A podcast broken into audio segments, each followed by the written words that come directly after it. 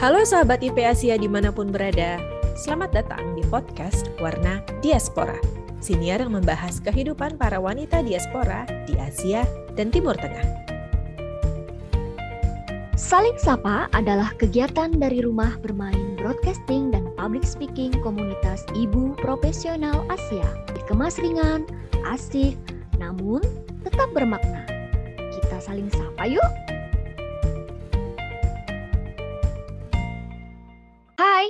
Aku Dede, aku ibu dari seorang putra yang berusia 9 tahun dan saat ini aku berdomisili di Singapura.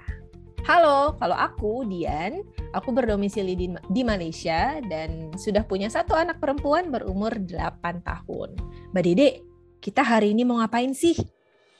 Ngapain ya? Pada sesi perdana saling sapa ini, kami mengangkat tema Journey to Konferensi Ibu Perembaharu Nah, di episode kali ini kami akan mengangkat salah satu isu yang diusung oleh KIP, yaitu perempuan di era digital. Akila tahu Buin pakai gadget itu biasanya untuk belajar dan kerja. Tapi kalau Bubun terlalu fokus, Bubun jadinya cuekin Akila. Akila sedih. Kalau lihat mama apa main gadget tuh kan aku rasanya kayak mau main juga. Main komputer handphone apa aja iPad apa gitu. Ya kan kalau aku ada kayak screen time nonton apa nonton TV dan nonton YouTube. Dikasih timer satu jam tetapi mama apa? Pakai pakai laptop nama banget. Ya kenapa ya mama bisa segitunya lama? Tetapi aku gak bisa. Ya kan aku harus pakai timer. Kalau mau nonton nonton apa? Nonton YouTube Netflix apa aja tetapi mama free. Aku aku aku kayak harus pakai timer. Tetapi mama free aja.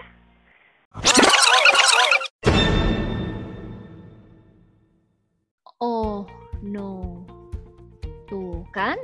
Gimana? Anak-anak udah mulai protes nih kak. Bener kak dede? Gak. ternyata ya pada protes sama penggunaan gadgetnya kita nih. Hmm. Gak nyangka ya. Tapi emang sih ya, yang namanya gadget tuh emang hal yang paling krusial bagi siapa pun, gak tua, gak muda. Eh ngomong-ngomong kita tuh mau podcast apaan sih hari ini? Nah, mumpung ditanya ini sama Kak Dede, jadi hari ini kita itu ada di season pertama Saling Sapa. Nah, di episode kali ini kami akan mengangkat salah satu isu yang diusung oleh KIP, yaitu perempuan di era digital. Kak Dede. Wow, hmm. kayaknya bakal seru nih, udah bakal rame nih. Kayaknya seru bakal ya? ngoceh terus nih, bakal ngoceh terus nih. Gak apa-apa, kita kasih kesempatan. sama digital, apalagi yang berhubungan sama digital, gadget, anak. Oh, itu problem semua ibu. Ya, tapi kalau dibilang problem sih aku agak sedikit setuju nggak setuju ya Mbak? Karena menurutku ya itu tadi digital apa digital media digital dan segala macam teknologi itu kan sebenarnya bisa jadi problem tapi juga bisa jadi sesuatu yang sebenarnya sangat membantu kehidupan kita sehari-hari. Benar nggak? Kalau Kak Dede sendiri? Kalau Dede sendiri standpointnya iya, di mana nih? Lebih ke bener, bener, bener. suka dengan teknologi ini atau sebenarnya lebih banyak mudaratnya? Jujur sih ya untuk kita yang berada di Asia, mau nggak mau, kita kan nggak bisa ketemuan, tapi kita harus terus melakukan komunikasi. Semua pembelajaran, semua aktivitas komunitas kita, kita lakukan tentunya lewat gadget, lewat media sosial. Dan ini tentunya membuat kita ya mempunyai jam gadget yang bisa dibilang berlebih daripada yang lain. Bener tuh. Eh, kalau ngomongin soal, uh, berarti kan ini kayak manajemen gadget gitu ya kak ya? Kalau mm -hmm. manajemen gadget, gadgetnya kak Dede gimana? Hmm, Sharing dong. Jujur ya, hmm. kalau Kalau aku sih ya, sebenarnya di setiap uh, perkuliahan di ibu profesional itu, aku selalu merubah manajemen gadget itu per uh, project waktu. Jadi nggak selalu sama dalam satu misalnya satu tahun, satu bulan tuh nggak selalu sama. Jadi aku uh, melihat dan akan merevisi. Oh misalnya dalam uh, mengikuti perkuliahan ini kita akan dapat materi pagi hari. Otomatis aku aku akan merubah. Nanti di Buncek kita dapat materi uh, zuhur setelah zuhur. Berarti aku juga harus merubah waktu manajemen manajemen gadget itu gitu. Jadi nggak selalu sama dari masa ke masa atau dari waktu ke waktu. Fleksibel berarti ya Mbak? Hmm, fleksibel gitu. Tapi semasa mengikuti kegiatan itu, misalnya enam bulan ya enam bulan sama manajemen gadgetnya. Oh. Menarik sih. Jadi kan memang ditentukan dan disesuaikan banget sama uh, kegiatan yang kita yang kita apa yang kita laksanakan yang kita lakukan gitu pada saat itu. Tapi kalau aku sih juga setuju sih memang harusnya disesuaikan itu cuman kan memang paling itu sulit paling kesulitannya itu ketika kita harus buat kayak manajemen gadget yang baru. Misalnya kalau ikut kelas buncek kayak kemarin gitu kan ya Dede ya. Jadi kita kan ada tiap hari um, Senin itu nanti ada informasi, tiap Selasa nanti ada um, apa namanya penyampaian materi gitu kan. Itu kan kita harus um, mengatur jadwalnya kembali itu paling kalau aku pribadi sih memang kesulitannya di awal-awal tapi memang at the end setelah kita sudah tahu kita harus buat jadwal seperti apa memang jadinya lebih mudah ya dengan adanya um, jadwal seperti itu. Benar sekali ya kak dan jangan lupa juga kita tuh harus menyesuaikan dengan jadwal anak-anak.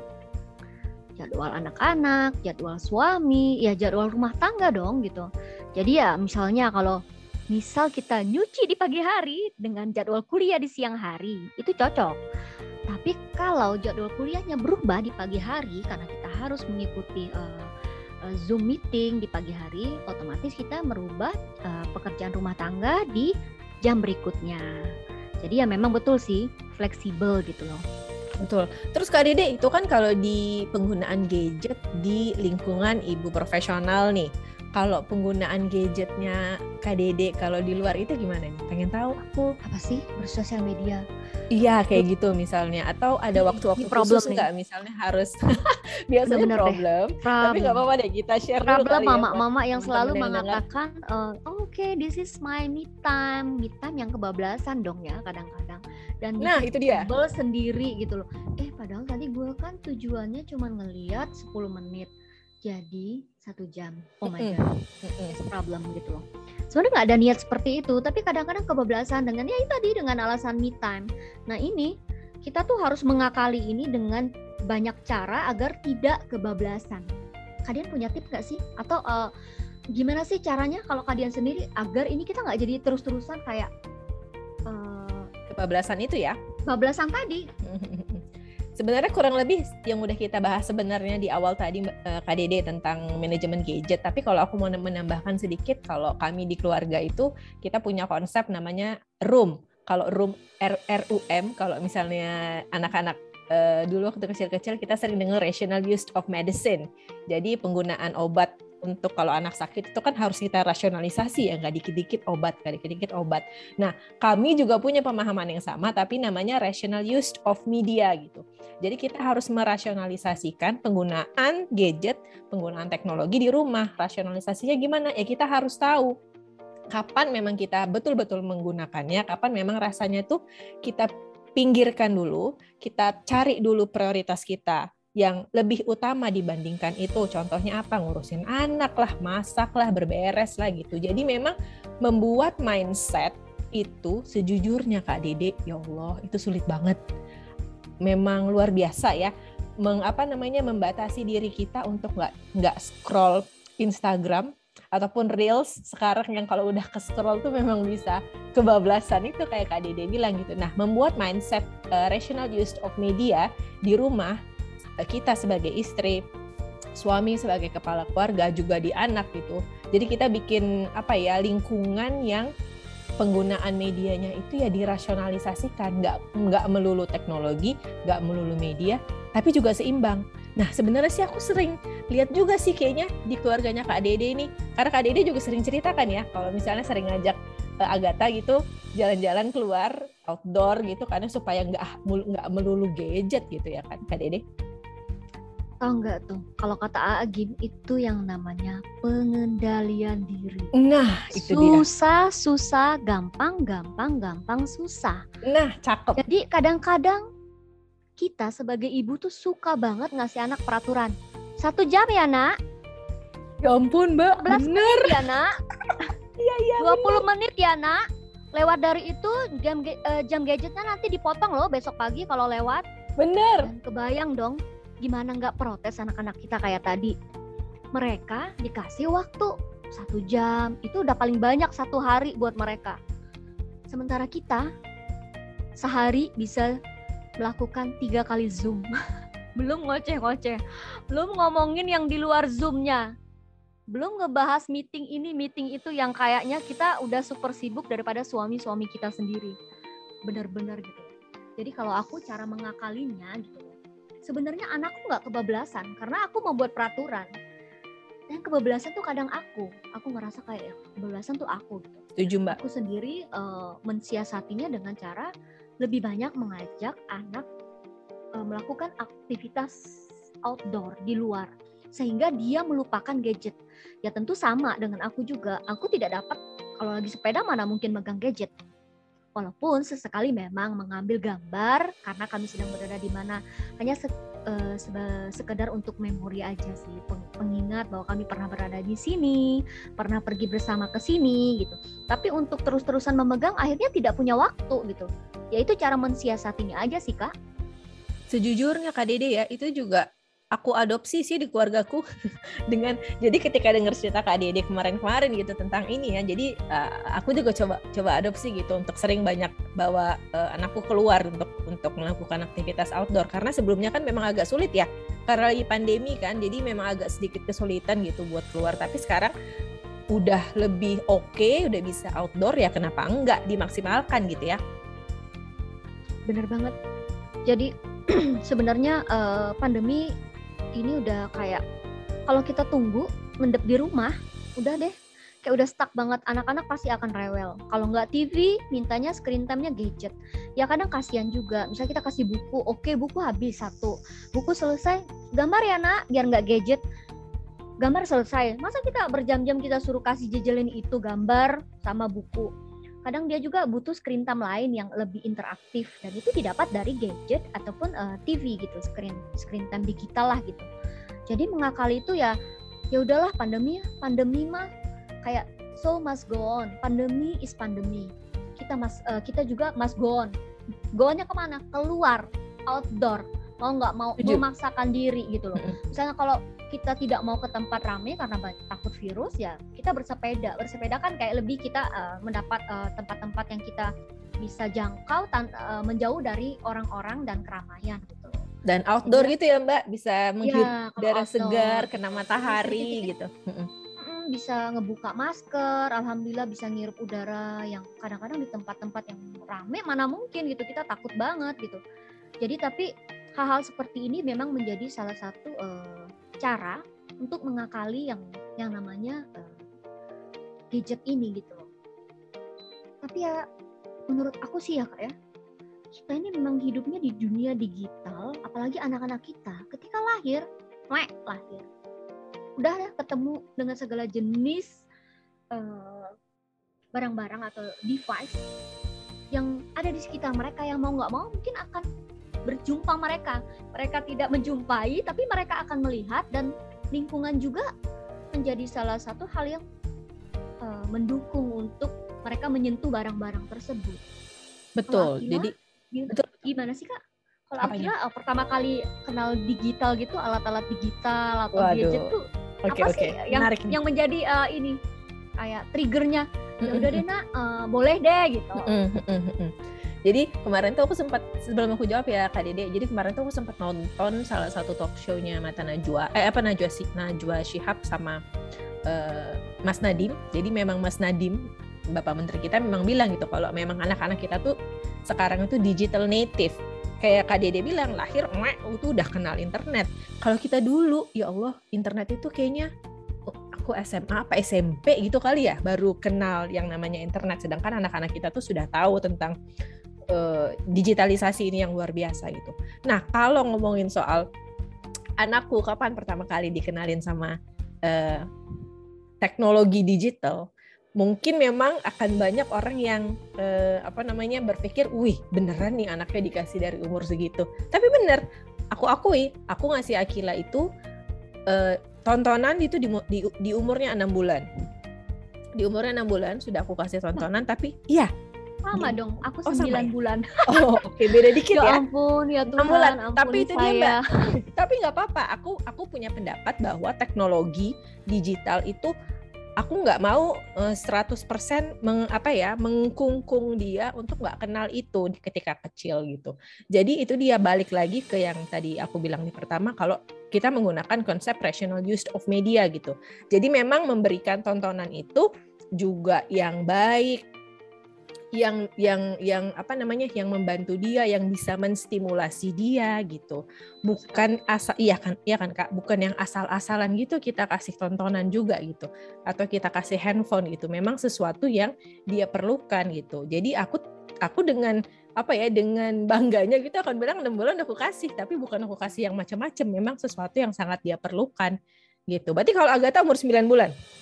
Iya, 9 bulan. Pada awalnya ya memang pertama stimulasi.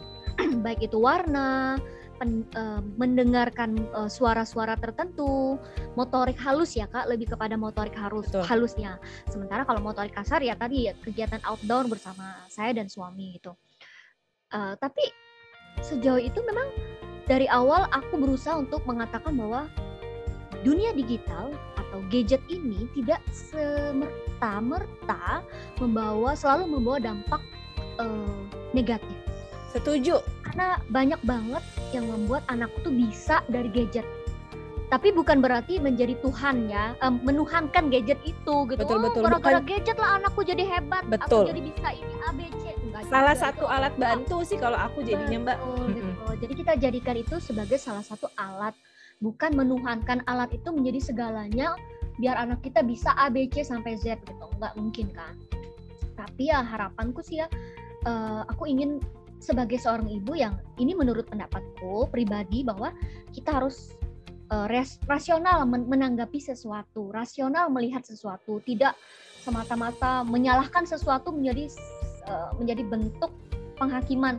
Gara-gara gadget nih, gara-gara gadget. Yang enggak juga kan, padahal banyak banget hal positif yang bisa kita ambil dari sana. Dan sudah terbukti dan aku merasakan itu gitu loh. Tanpa harus menuhankan si gadget ini menjadi hal yang paling hebat gara-gara gadget anakku juga jadi pintar enggak juga. Jadi ya pasti kita sebagai ibu pasti bisa memilah-milah dong kak ya untuk hal-hal seperti ini. Ya, bener banget sih Mbak Dede. Tapi kalau memang kita lihat pemanfaatan gadget sekarang ini kan emang luar biasa ya. Kalau misalnya kita lihat dari ibu profesional sendiri nih, eh, founding mother kita nih, Bu Septi nih. Jadi kalau misalnya aku sering lihat tuh di Instagramnya beliau tuh sering banget ya mengop- mengoptimalisasi penggunaan Reels gitu. Ikut tren sekarang. Jadi memang perempuan di era digital itu memang kita harus nggak mau jangan mau kalah gitu sama yang lainnya kita juga harus tetap update teknologi kita juga harus menggunakan teknologi itu sebagai sebagai eh, penunjang berbagai hal kegiatan di setiap lini kehidupan kita mau itu membantu untuk menstimulasi anak tadi ceritanya kan ada ya juga misalnya mau membantu mungkin membantu pembelajaran anak di rumah atau juga mau mau meningkatkan uh, kualitas diri gitu karena memang teknologi ini kan luar biasa banget sekarang manfaatnya buat kita. Apalagi kan kalau sejak pandemi kemarin nih Kak Dede ya, aku lihat tuh banyak banget bertebaran tuh bertebaran sekali mm, kelas-kelas gitu, membuka lapangan kerja yang baru gitu. Terus juga banyak banget hal-hal menarik gitu yang aku lihat bahwa teknologi itu kayak blessing in disguise gitu. Jadi sesuatu berkah yang sebenarnya kalau kita bisa manfaatkan dengan baik, kita sebenarnya akan mendapatkan banyak sekali apa ya hal-hal positif gitu dari teknologi ya bener kan banget, kak? bener banget, bener banget itu. Itu sesuai banget dengan core value ibu profesional, berbagi, melayani. Jadi kayak apa yang kita dapat itu kita bisa bagi. Uh, dan salah satu penunjangnya itu kalau orang-orang kayak kita yang tinggal di luar Indonesia dan karena kita juga diaspora kita nggak bisa banyak berjumpa orang melakukan aktivitas offline ya otomatis kegiatan online menggunakan media digital termasuk gadget ini adalah salah satu sarana yang terbaik gitu yang baik saat ini gitu. Dan kalau kita bisa fungsikan juga seperti yang Kak Dian bilang kayak uh, memberi lapangan pekerjaan lah bukankah itu hal yang bagus banget mulia banget? Jadi kembali lagi bahwa hmm, media digital saat ini kalau dipergunakan dengan sebaik-baiknya dengan hal-hal positif justru itu akan membawa uh, dampak bagus dampak baik dan uh, rasa berbagi melayaninya itu menjadi nyata menurut aku sih Benar, jadi teknologi, jadi teknologi itu nggak berjalan sendiri ya, kan Kak Dede ya. Kayak yang dibilang Steve Jobs nih, c dari Steve Jobs. Jadi beliau tuh pernah pernah mengatakan kalau temen-temennya, temennya. ya, temennya ya, geng geng, geng geng dia, geng main ya, geng main. Jadi kayak hmm. uh, Ato, cuy Ato, Bapak Steve Steve Jobs bilang tek, uh, technology alone is not enough gitu. Jadi kalau teknologi sendiri itu memang nggak akan cukup kita sebagai ya. manusia yang menggunakan teknologi betul, itu juga harus pinter, juga harus tahu bahwa teknologi dengan teknologi itu sebenarnya kita bisa bisa apa ya membuat sesuatu yang wonderful gitu, yang betul. yang indah, yang baik gitu kan kak. Iya juga sih, kan nggak kebayang teknologi nggak bisa jalan sendiri tanpa ada pangsa pasarnya yang Betul. menggunakannya. Masa cuma dibikin doang nggak digunain? Tapi ya Setuju. ya tentu balik lagi, balik lagi digunakan untuk hal-hal yang positif. Itu aja gitu loh. Dan kita pasti sebagai ibu di masa sekarang ini yang hidup uh, dengan berbagai macam uh, digital dunia digital yang semakin maju pasti kita juga ingin memberikan yang terbaik memilih yang terbaik uh, mengukur uh, manajemen waktu gadget yang terbaik bagi kita bagi anak-anak kita gitu. Ya semua ibu deh semua ibu saya rasa pasti uh, akan bersikap sama seperti kita gitu. Hmm kalau mau ditambahin apa ya aku tuh pengen minta maaf sama anak-anak kayaknya kita perlu banyak minta maaf sama anak-anak tentang masalah gadget.